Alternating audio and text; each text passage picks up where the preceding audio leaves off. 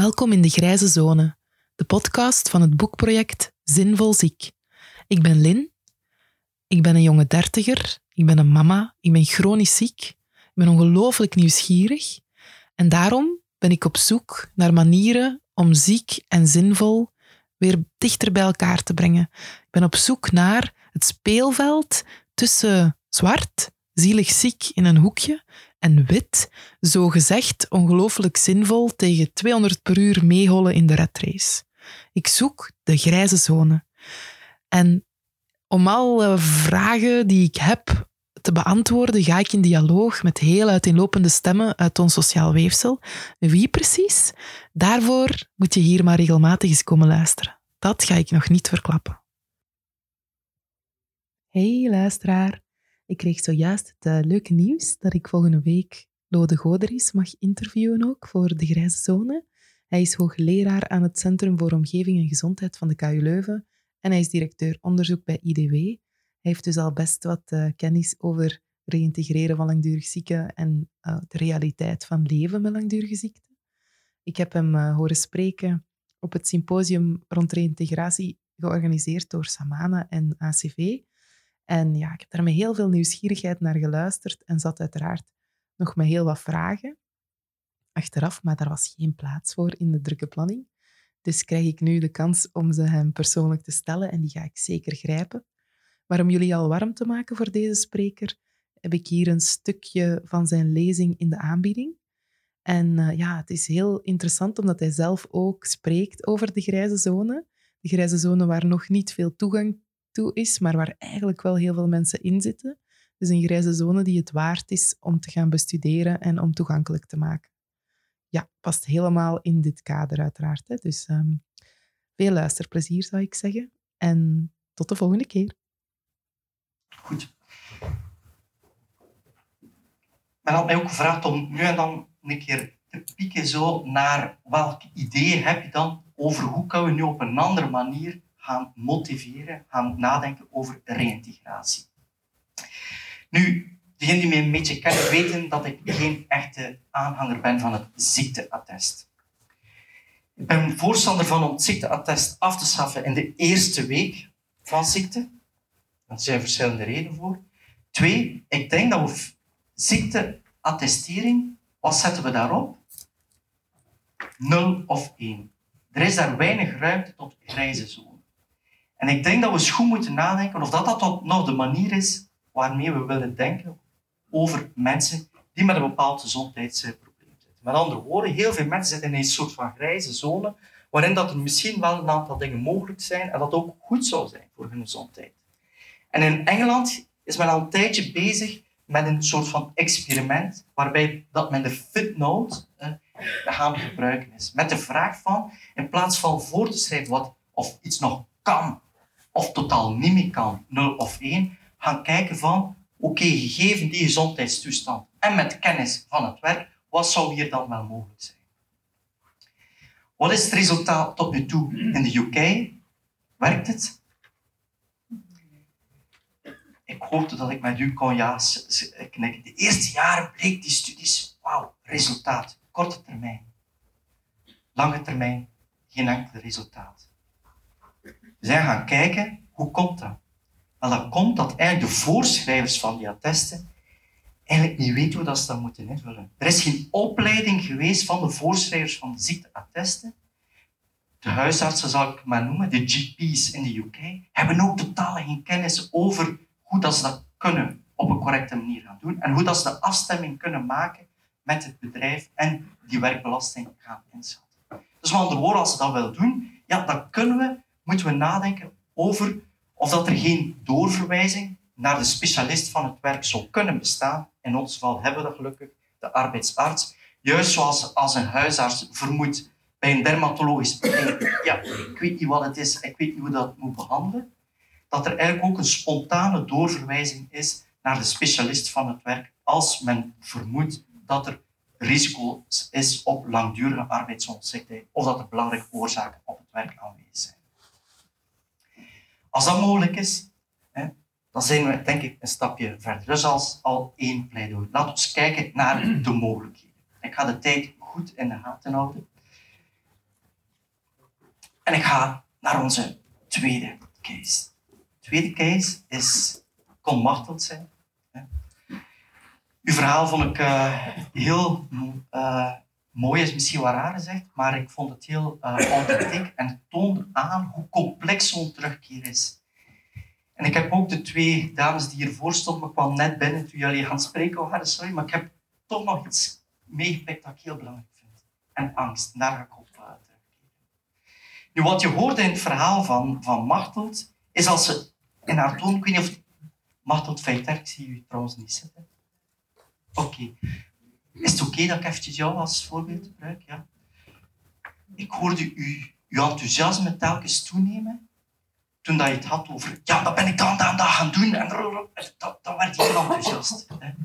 En als het dan ja, ging over die papiermolen, die verplichting, die dreiging met die sancties, dan hoorde ik eigenlijk totaal uw energie bijna hier op het podium terug.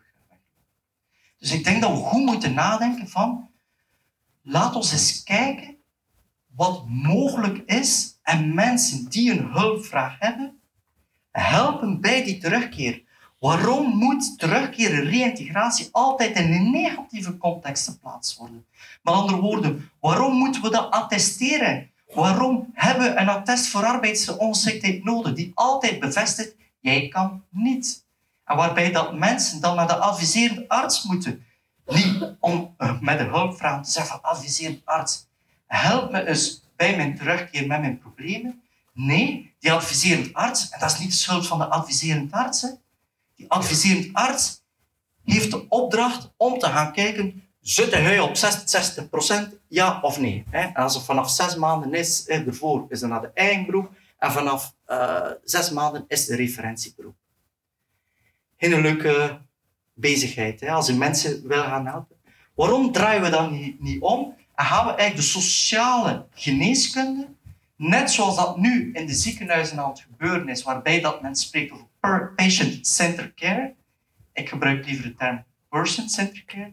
Waarom gooien we dat niet om en draaien we alles wat dat wij nodig hebben, die actief zijn in die sociale zekerheid en de sociale geneeskunde, waarom draaien wij, passen wij ons niet aan aan die persoon en maken we het voor de persoon zo gemakkelijk mogelijk en proberen we die te ondersteunen? En dat is eigenlijk mijn uh, en ik ga eventjes Martelt terug uh, gebruiken. Martelt had uh, last van burn-out klachten. typisch zal het dan geweest zijn, vul het even in voor te maken voor u. Emotionele uitputting, je neemt afstand van het werk en u voelt u niet meer in bekwaam om uw job naar behoren uit te. Zo komt Martelt bij wie? De huisarts. Wat gaat de huisarts doen op dat moment? Time-out, heel belangrijk. Opnieuw dezelfde vraag. Hoe lang? Wacht, weet je nog, uw eerste consultatie? 14 dagen. Ja, dat is een mooi getal. Andere getallen ooit gehoord? Drie dagen. Ja, dat is zo. Voor een burn-out zou dat redelijk kort zijn. Maar opnieuw, als ik ga praten voor huisartsen, dan zie je vaak één à twee weken. En ik vraag dan waarom. En vaak is dat, ja, we weten niet goed wat dat burn-out is, moeilijk te diagnosticeren. Dus ik heb liever dat die patiënt dan na één of twee weken een keer terugkeert om dan een keer opnieuw te praten en een keer zien of dat, dat dan effectief zo is of niet. En dan eventueel gaan. Ik ben niet zo'n voorstander van, van die korte periode van twee weken. Waarom? Mensen die risico, verhoogd risico hebben op burn-out, hebben vaak ook wat een perfectionistisch kantje. Met andere woorden, ja, eigenlijk wil ik werken, maar kan ik niet meer. Als ik dan van mijn huisarts te horen krijg van oké, we laten nu één of twee weken thuis, wat is dan de verwachting bij iemand met een perfectionistisch karaktertrek? En al twee weken, ik leg mij twee weken plat en daarna ga ik terug vol bak Uiteraard bij burn-out zal dit niet lukken. Frustratie bij de werknemer met burn-out. Maar er is nog, dat is één element. Er is nog een belangrijk tweede element. En we hebben daar al wat over gesproken. Dat is de collega's en de werkgever. Want dat test is geen lotje voor de volgende afspraak. Dat attest heeft een heel belangrijk communicatiedoel. En dat is naar de werkgever, naar de leidinggever, naar de collega's. En als die na twee weken een verlenging krijgen van twee weken, dan zit daar ook al een eerste frustratie. Ik ben zelf ook leidinggevende. En als ik samen met mijn team, als iemand uitvalt en ik krijg een attest één à twee weken, wat ga ik doen met mijn team? We gaan het werk verdelen, hè? Oké. Dus dat is wat er eigenlijk gebeurt. Als daarentegen een attest krijgt van langere periode, oké, heeft dat al een indicatie. Zeggen we, oké, dat is hier toch wel iets serieus, maar eens moeten kijken hoe dat we het gaan aanpassen. Dus mijn pleidooi is er een, bij burn-out beter iets te lang, want het zal niet oplossen, uh, oplosbaar zijn binnen twee weken. Maar zoals ze zegt, geen gemakkelijke diagnose. En daar zijn we aan het werken, samen trouwens met Domus Medica, om daar een zorgtraject uh, rond te bouwen. Komt er direct uh, op terug. Nu, binnen dat soorttraject waar ik ga over spreken, is deze figuur een heel belangrijke figuur. Ik heb je vooral gefocust op die eerste week. Maar wat gebeurt er naarmate de arbeidsongeschiktheid vordert? Dan gaat de kans om terug te keren, spontaan terugkeren, afnemen. En we weten dat, zowel bij mensen die kampen met rugpijn, dat is een studie die daar gebeurd is, maar ook bij mensen die kampen met gelijk welke aandoening. Nu, wat toont die grafiek? We beginnen met 100% mensen die op arbeids hebben, die niet, die niet werken. En dan gaan we kijken wanneer keer die terug naar het werk. In de statistiek heet dat survival curve. Een beetje een vreemde naam, maar dat is goed dat dit geanalyseerd wordt. En je ziet dat mensen eigenlijk ja, in drie periodes wat terugkeren. Je hebt de acute fase, en dat is de groep van mensen die spontaan zonder één hulp gaat terugkeren. Bij lage rugpijn, oh, lumbago, na twee weken pijn over, ik ga terug aan de slag. De meeste mensen keren terug. De tweede fase is subacute fase. Wat zie je? Daar zit er al een knik in. Met andere woorden, die curve gaat al wat plat. Een aantal mensen gaan nog terugkeren, maar het zijn er al wat minder, proportioneel minder. En als je gaat kijken vanaf 12 weken, wat zie je gebeuren met die curve? Die loopt bijna plat. 12 weken, drie maanden, een magische kaal. En als je mij in interviews zal horen spreken of geciteerd, ga je mij altijd horen praten over die drie maanden. Want die drie maanden, als je die kaap voorbij bent, dan wordt het moeilijker om terug te keren naar het werk. Hoe komt dat? Dan kom ik eventjes bij jullie. Angst. Hoe langer je afwezig bent van het werk, hoe onzekerder je bent over, gaan mijn werk er nog zijn? Wat gaan mijn collega's zeggen? Mijn leidinggevende? Ga ik dat zelf nog wel kunnen? En dus hoe langer je wacht, hoe groter die angst. En er is nog een tweede element. Er is ook wel een soort evenwicht ontstaan thuis. Na drie maanden ja, heb je een beetje een, een handel in de wandel opnieuw gevonden. Wat maakt ja, dat, dat dat ook niet zo gemakkelijk is om dat te gaan verlaten. Maar die angst aan het evenwicht doet zich niet alleen voor in de thuissituatie, in de situatie van de werknemer die arbeidsongeschikt is, maar doet zich ook nog voor op een andere plaats. Op het werk, collega's en leidinggevenden. Na drie maanden stellen zij zich ook diezelfde vraag. Die hebben ook angst en zijn ook onzeker. Hoe zal onze collega terugkeren? Zal die ooit nog terugkeren? Gaat hij nog kunnen werken? Gaat dat nog lukken? Gaat hij niet hervallen? En na drie maanden is er uiteraard ook al een bepaald evenwicht ingesteld. Dat werk is herverdeeld. Dus je krijgt twee evenwichtssituaties die geïnhibeerd zijn door angst. Hoe kun je angst verjagen? Door een controlearts, door te gaan checken of de arbeidsongeschiktheid juist is en als je niet reïntegreert te sanctioneren. Zijn dat de, de, de magische formule? Nee.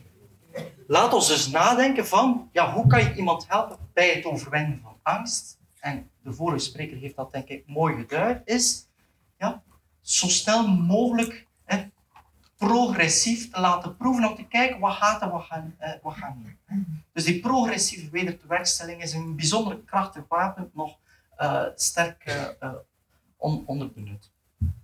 Dus vandaar die drie maanden is niet zo toevallig gekozen en ik hoop dat je begrijpt waarom dat het zo belangrijk is. Nu, we hebben een opdracht van uh, het RISIF, kabinet de Blok. Je kent reïntegratietrajecten. Herman zal er ongetwijfeld over hebben, maar ik zal ook al een steentje werpen zodat Herman gelanceerd is. Goed, wat in, in, de, in de reïntegratietrajecten, wat staat er daarin? Dat de adviserend arts, als er geen reïntegratieplan of contacten zijn, dat er eigenlijk de adviserend arts moet in actie komen. Hoor me zeggen, veronderstel als de werknemer zelf al eens bij de arbeidsarts geweest of de huisarts heeft een doorverwijzing gedaan naar de arbeidsarts, dan hoeft dat eigenlijk nog te staan. Nu, na twee maanden is de bedoeling dat de adviserend arts een inschatting maakt van de mogelijkheden naar terugkeer. Arbeidsongeschikt of niet. Nu, voor de mensen die uh, langdurig arbeidsongeschikt kennen of zelf geweest zijn, de kans dat je dan een adviserend arts ziet is bijzonder klein. Dus men vroeg eigenlijk naar een hulpinstrument. En dus die opdracht is naar ons uh, toegewezen. Wat hebben we gedaan? We hebben eigenlijk gedurende een periode van zes weken iedereen die over die kaap van die twee maanden of daar rond zat, eigenlijk een vragenlijst ingestuurd, waarbij dat we naast geslacht, leeftijd en de medische conditie vooral gevraagd hebben naar wat zijn psychosociale determinanten en factoren. En dat is hetgene wat ik met u even nog wil bekijken. Nu, dit is dan het resultaat van die curve. Dus na die periode zijn we die mensen administratief gaan opvolgen en gekeken terug, zie diezelfde survival curve als dat straks, hoe dan mensen terugkeren. De rode lijn is kanker. Bij kanker moeilijke terugkeer. Waarom? Ja, diagnose, langdurige behandeling, met toch nog wel wat eh, bijwerkingen na of tijdens de behandeling. Maar dan zie je daarop twee, die groene lijn, dat zijn de mentale aandoeningen. Dus keren ook moeilijker terug. Nu, we hebben gaan kijken, gaan modelleren, gaan onderzoeken wat dan de belangrijkste determinanten, eh, predictieve factoren waren, die eigenlijk gaan maken waarmee dat we kunnen onderscheid maken de groep die hoog risico heeft op langdurige arbeidsongeschiktheid of niet. En dat zijn die factoren. Kijk eens nu naar uw, naar uw briefje. Kijk eens naar de slide. Ik denk dat dat ongeveer overeenkomt. Je ziet dat we eigenlijk die factoren hebben ingedeeld in vier categorieën. Eén, functioneren. Twee, stressvol leven. Drie, werkgerelateerde factoren vier persoonsgerelateerde factoren. En als je van mijn presentatie twee dingen onthoudt, is het wat ik nu ga zeggen. De determinanten voor langdurige arbeidsongeschiktheid zijn de inschatting, de eigen inschatting van de gezondheid. Dus met andere woorden, wil je weten of dat iemand succesvol gaat terugkeren of niet, vraag gewoon hoe zat hij uw gezondheid in. Is dat goed? Dan gaat dat de kans vergroten dat die terugkeer succesvol is. Is dat niet, verkleint dat de kans. Een tweede is, hoe zat jij zelf die terugkeer in? Gaat dat lukken, ja of nee?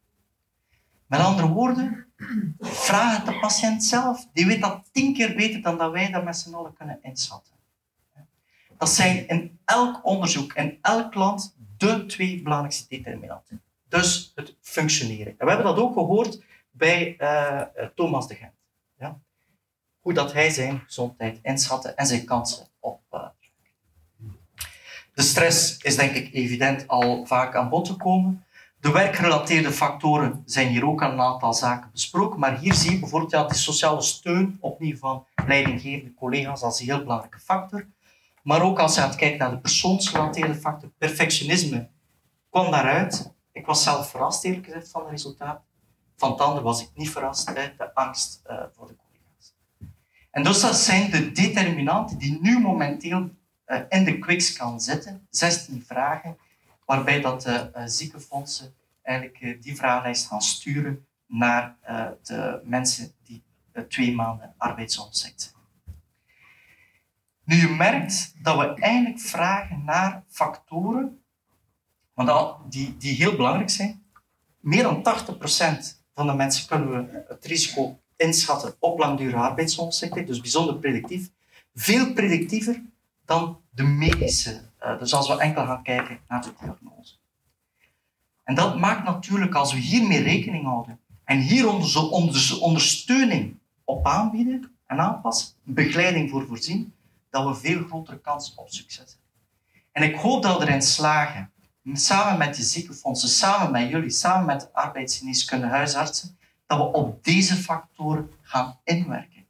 Niet nadenken over, is dat nu juist of niet, maar wel, welke steun heeft iemand nodig en hoe kunnen we dat gaan aanpakken.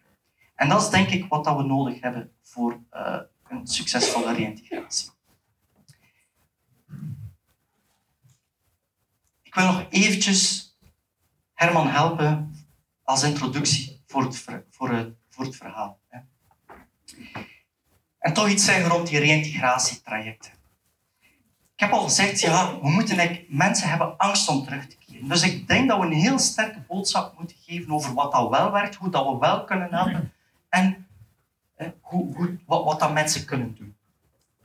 En dus, ik ga een artikeltje uit de tijd nemen, die vorige week denk ik in de krant stond. Aan de krantenkop kan, kan geen enkele interview er iets aan doen. Maar dat is hetgeen wat dat mensen onthouden. Reïntegratie, langdurige ziekte, ziekte leidt vaak tot ontslag. Technisch klopt dat volledig. Ik zal u dat aantonen. Maar twee, ik zal ook een interpretatie doen, uh, uh, bijvoegen. En ik zal ook proberen uit te leggen waarom dat ik denk dat er hier een heel belangrijk woord ontbreekt in deze kop. En dat is wat? Laatijdige reïntegratie. Als ze lacht, ik hoeft niet akkoord te zijn, maar het is daarom dat we hier eh, zijn. Als u te lang wacht, en ik heb u die grafiek getoond, hè, en dat is de reden waarom ik zeg, hè, als u te lang wacht met ondersteuning gaan aanbieden, wordt het bijzonder moeilijk om terug te keren. En dat is hetgene wat je ziet in deze, deze cijfers. En ik heb hier, we hebben onderzoek gedaan en we zijn onderzoek aan het doen. En we zijn twee soorten onderzoek aan het doen. We zijn aan het kijken naar reïntegratie. Wat werkt en wat niet. En we zijn ook heel kritisch naar die reïntegratietrajecten aan het kijken. We hebben dat zelf gedaan binnen IDW. Met andere woorden, mensen die in zo'n reïntegratietraject zitten, hebben eigenlijk gecontacteerd met de vraag van ah, wat is uw situatie nu en wat was de situatie toen, wat was de beslissing? En dat hebben we eigenlijk uitgezet ten opzichte van mensen die een ander soort traject gevolgd hebben, ook via arbeidsgeneeskunde. Dat is zo wat we noemen het bezoek voorafgaand aan de werkervatting. Een heel term om eigenlijk te zeggen, ja, ik gaan klappen met een arbeidsarts om te zien tijdens mijn ziekte wat dan mogelijk is. En ik ga die twee met u een keer vergelijken. Wat je ziet hier is ook wat in het artikel van het ACV staat Oké, als je langer wacht hè, bij reintegratietrajecten, ja, dan zie je dat er nogal wat beslissingen geformuleerd worden. Voor IDW hebben we in uh, 2000 en wat we zijn nu 1917 uh, hebben zo'n 5000 reïntegratietrajecten gedaan. 5000. Hoeveel stond, stond er op langdurige arbeidsondersteuning? 400 en zoveel. Ik denk hoeveel... Jullie analyse was op 60.000 over twee jaar, denk ik. Over drie jaar. 60.000 over drie jaar, terwijl dat ons doelpubliek bestaat uit meer dan 400.000 mensen. En ik heb dan nog al diegenen die in de primaire arbeidsongeschiktheid staan, die ook zo'n 400.000 al zijn, niet meegeteld. Peanuts, wij bereiken de doelgroep niet dat is hetgeen wat je hier moet onthouden. We bereiken die niet. Er is eigenlijk een subfractie van die groep die dan toch een beroep doet op die reïntegratietrajecten. En de vraag is, hoe komt dat ze daar een beroep eh, op doen? Peanuts. Hè? Veel te weinig uh, mensen. Maar het alternatief is beter dan dit, denk ik. Dus oké, het klopt. Hè? Een aantal mensen krijgen beoordeling D. Maar in onze analyse hebben we ook al gezien dat die groep van mensen niet noodzakelijk ontslagen worden. Voor ons was dat ook een, een, een, verrassing en dat zijn we verder aan het onderzoeken. En in de eerste analyses van een ander onderzoek dat we met verschillende diensten nu uh, gedaan hebben in opdracht van Fotwazo, hebben we ook een beetje dezelfde cijfers als de cijfers hier bij IDW kunnen bevestigen. We hebben ook gezien van degenen die een beslissing D hebben, dat 30 à 40 procent daarvan werkt bij een andere uh, werkgever. ik vind het nog altijd triestig, omdat je dan nog, nog altijd 70% van de mensen hebt die toch de weg naar het werk niet hebben. Dus met andere woorden, aansluiting, die ondersteuning, die begeleiding, dat markeert. Nu, hoe komt dat? Onthoud eventjes, herinner u terug die grafiek dat ik getoond heb, die daalde. Na drie maanden wordt het moeilijk om terug te keren. Na één jaar zie je, minder dan 20% zal nog terugkeren naar het werk. Nu, als dat omdraait, dan kun je eigenlijk zeggen dat 30% die je dan toch nog op een of andere manier terugkrijgt naar het werk, dan heb je al 10% winst. Niet voldoende, volledig mee eens. Maar twee, wat dat je ziet, en ik heb hier de cijfers getrokken voor mentale aandoeningen, en waar dat we het vandaag ook over gehad hebben, dan zie je dat diegenen die op zo'n reïntegratie terechtkomen, langer dan één jaar arbeidsongeschikt zijn. Met andere woorden, een heel moeilijke groep echte waarheid om nog terug te krijgen. Begrijp je waarom dat ik laattijdig daar toevoeg? Belangrijk voor de interpretatie gegevens. Ik ga nog iets toevoegen. Als je gaat kijken naar de doorverwijzingen die we krijgen via adviserende artsen, dan zie je dat dat ook peanuts is, een 300-tal. Met andere woorden, dat is ook nog niet op gang gekomen. Dus uh, spijtig. En ook ja, die reintegratiekansen hangt ook af van de grootte van het bedrijf. Bij KMO's is ook al wat aan de orde geweest, afhankelijk. Daar zijn de mogelijkheden wat beperkt. Dus hier moeten we zeker goed gaan kijken voor die kleine bedrijven. Van, kunnen we daar geen extra financiële incentives, wat mij betreft, of andere incentives, voorzien, zodanig dat dat wel mogelijk wordt gemaakt.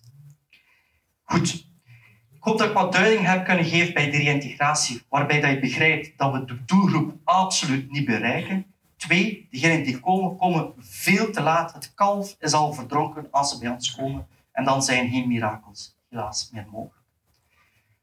Maar er gebeurt wel iets moois. En wat is dat?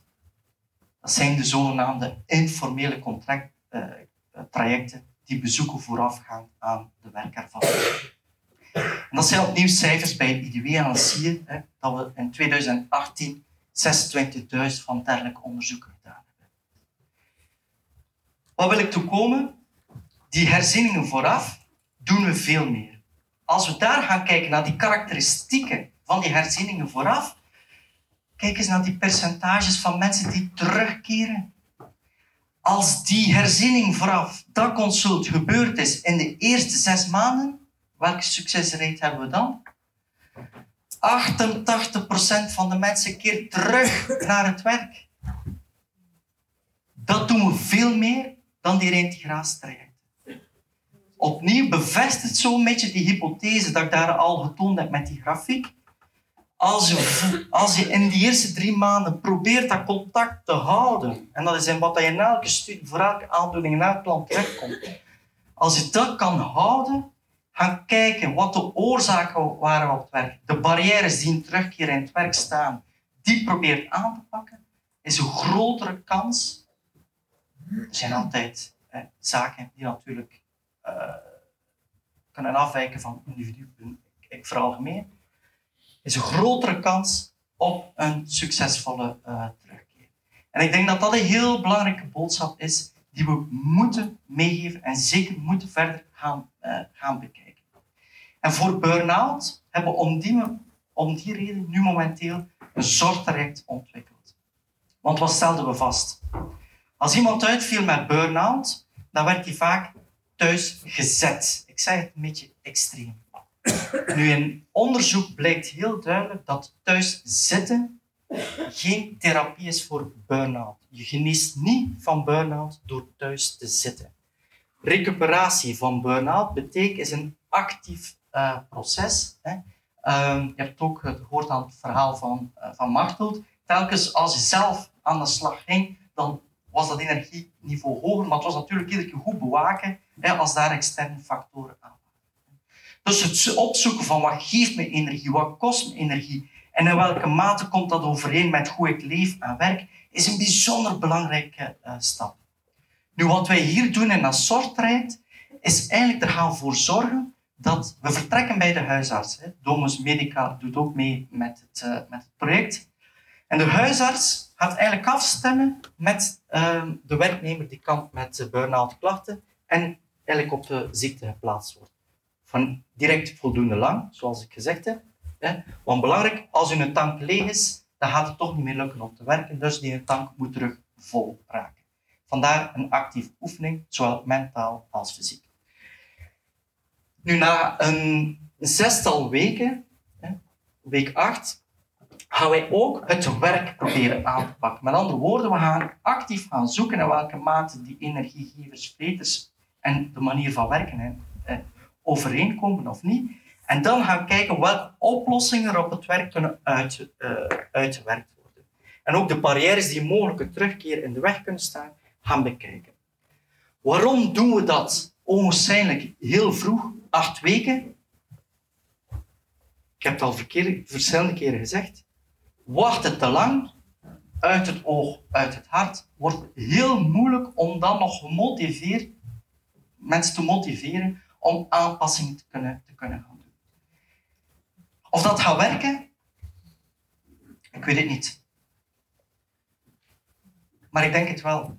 Op basis van alles wat we weten uit de literatuur, op basis van de eerste signalen die we, die we krijgen, zie je dat een actieve begeleiding die gericht is niet op verplichting, totaal niet, maar wel op basis van incentives, wegtonen, perspectief geven, financieel ondersteunen.